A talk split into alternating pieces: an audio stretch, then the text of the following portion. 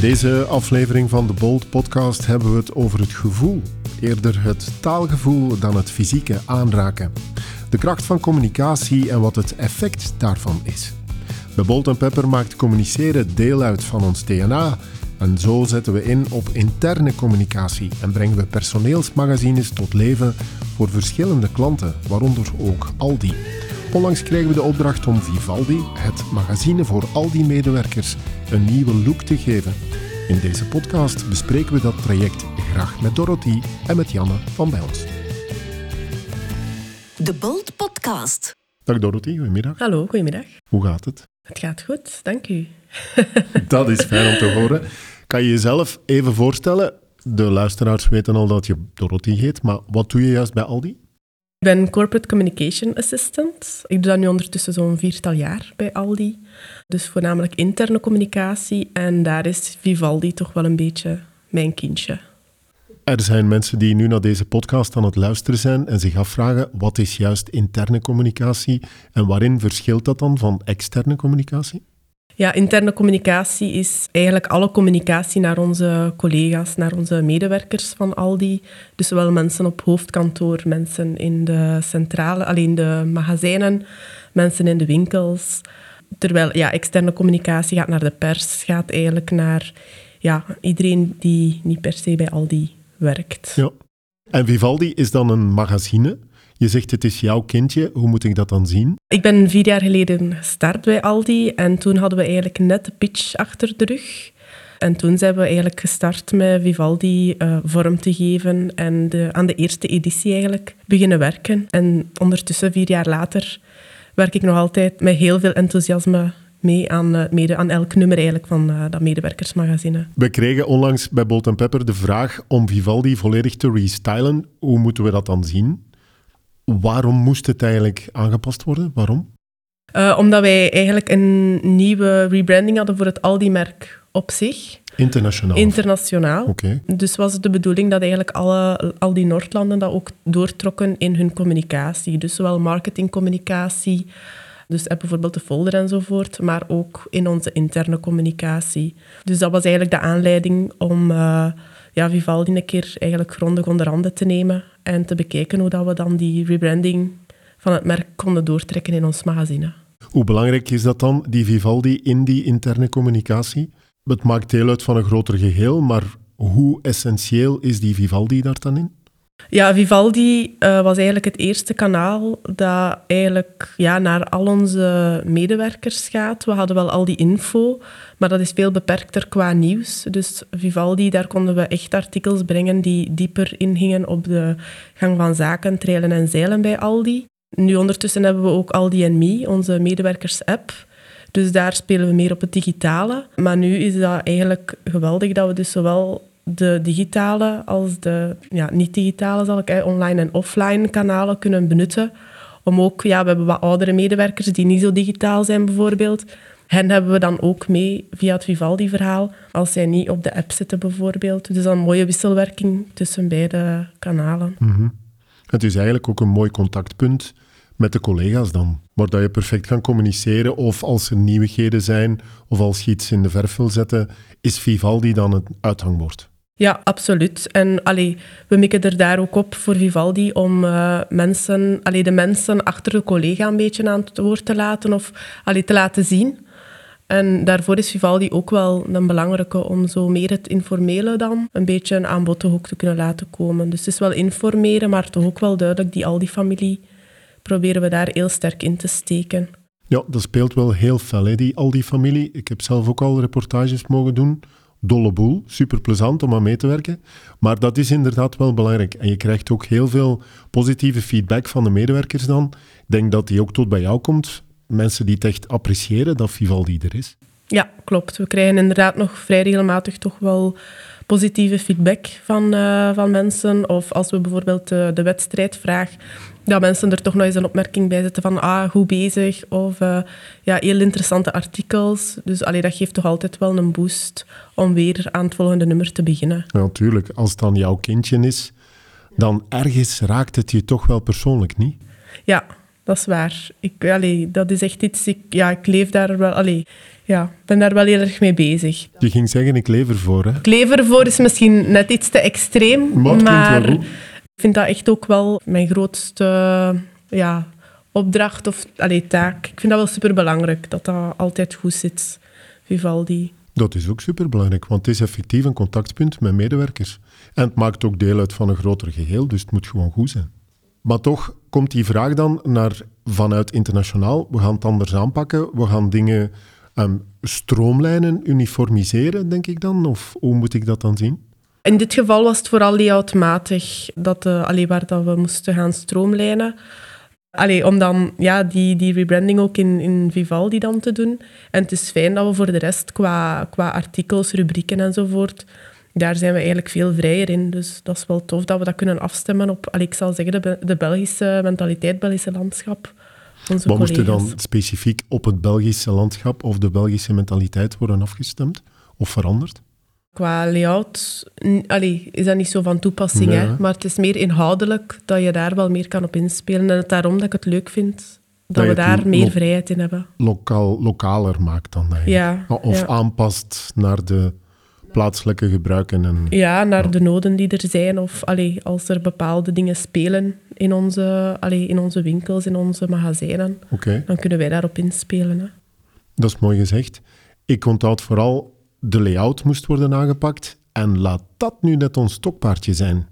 Want wie zit hier recht tegenover mij? Het is onze layout-guru, onze art director, Janne. Je bent erbij komen zitten. Jij hebt dit traject mee opgevolgd langs onze kant, langs Bolt en Pepper dan.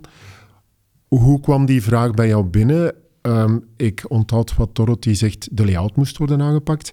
Wat denk je dan? Wat is jouw eerste reactie? Ja, de vraag kwam inderdaad om die, eh, die stroomleiding van eh, de branding van het merk eigenlijk eh, te gaan doortrekken.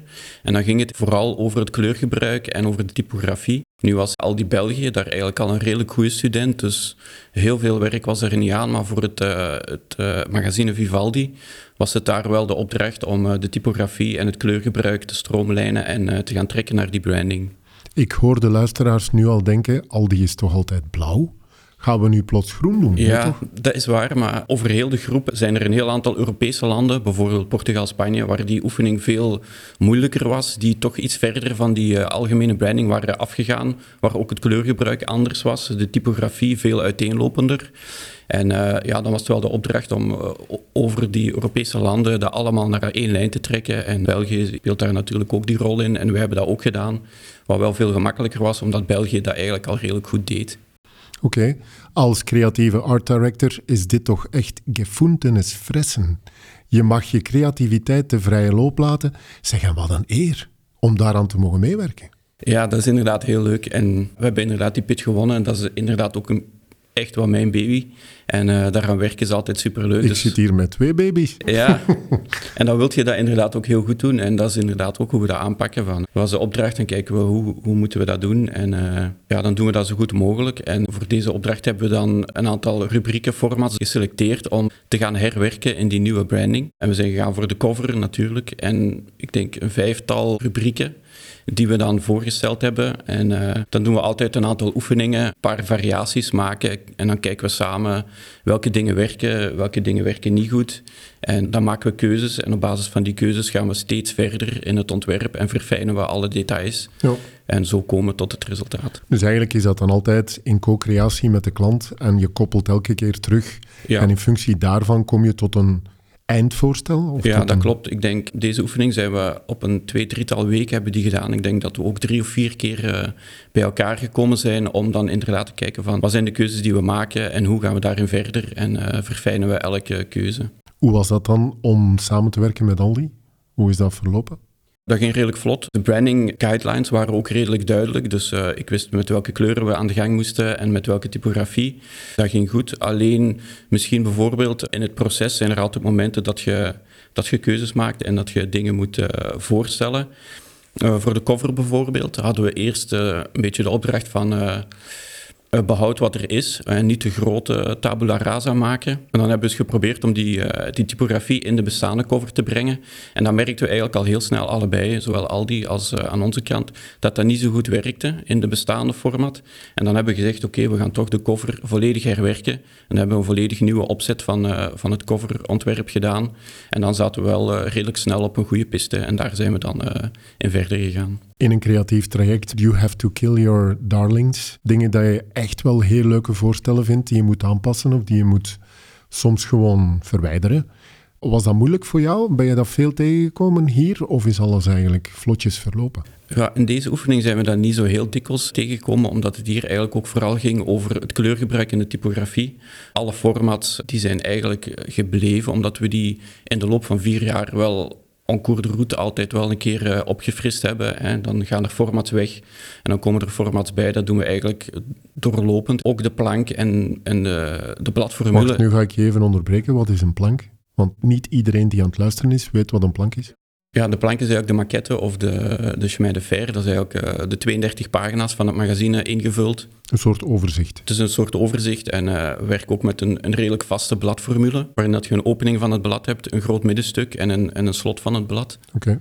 Dus heel die formule en de strategie van uh, welke onderwerpen komen in bepaalde rubrieken aan, aan bod, dat is eigenlijk volledig gebleven in deze oefening. Dus daar hebben we eigenlijk niet op gewerkt. Het is echt puur op die, op die branding geweest dat we nu gewerkt hebben. Met hoeveel personen heb je hier aan gewerkt? Met de projectmanager en, uh, en ikzelf. En dat is allemaal heel vlot gegaan. Ik vraag het aan Aldi zelf in de vorm van Dorothy, je bent erbij nog altijd. Is het vlot gegaan? Ja, eigenlijk wel. Uh, dat is heel goed. Ja. nee, het klopt wat, dat, wat dat Janne zegt. Hè. Het is uh, zo het principe van zij, zij werken een aantal voorstellen uit en die dan samen bekijken. Allee, we doen dat zo ook altijd voor de layout. En voor die rebranding werkte dat eigenlijk ook heel goed op die manier. Heb je veel correcties moeten doen of correctierondes? Ja, ik denk dat dat eigenlijk al wel, wel meeviel. Ja, omdat we ook vrij vast zaten aan de styleguide die er was. Um, en allee, ik moet zeggen, ja, ja, Janne kent zijn werk door en door. Dus, ziet, hem, ziet hem shinen. ziet hem shinen.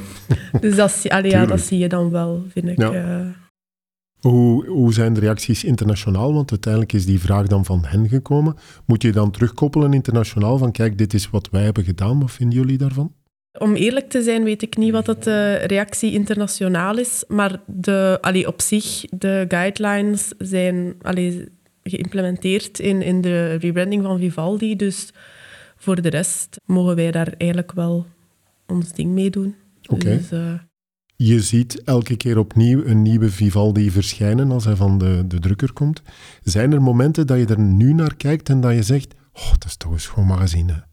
Ja, eigenlijk bij elk nummer. Als elk nummer dat ik in papieren versie in handen krijg, ja, is dat toch altijd zo'n beetje van, ja, we hebben er toch weer iets moois van gemaakt. In het begin is het zo'n beetje... Ik weet nog, als we begonnen, hè, dat we dachten van... Ja, we hebben nu wel genoeg onderwerpen, maar ja, hoe gaat dat evolueren? Maar we zijn nu bezig aan het zestiende nummer, denk ik. En we zijn absoluut nog niet uitverteld. Dus, uh, dat horen we graag. Ja. Hoe reageren de medewerkers op de nieuwe Vivaldi? Wij horen vooral echo's via onze ambassadeurs. En ik zeg het voor zover dat wij ze horen, zijn ze positief. Oké. We zijn bezig met zintuigen. Ik kan daar maar één zin op zeggen. De samenwerking smaakt naar meer, Dorothy. Absoluut. Dank wij gaan ervoor. Bedankt voor het uh, aangename gesprek. Merci Janne, merci Dorothy. Als je zin hebt om nog meer podcast van Bolt Pepper te beluisteren, surf naar boltandpepper.be slash podcast of beluister ons in je favoriete podcast app. We zien, of beter gezegd, horen ons daar. Tot dan!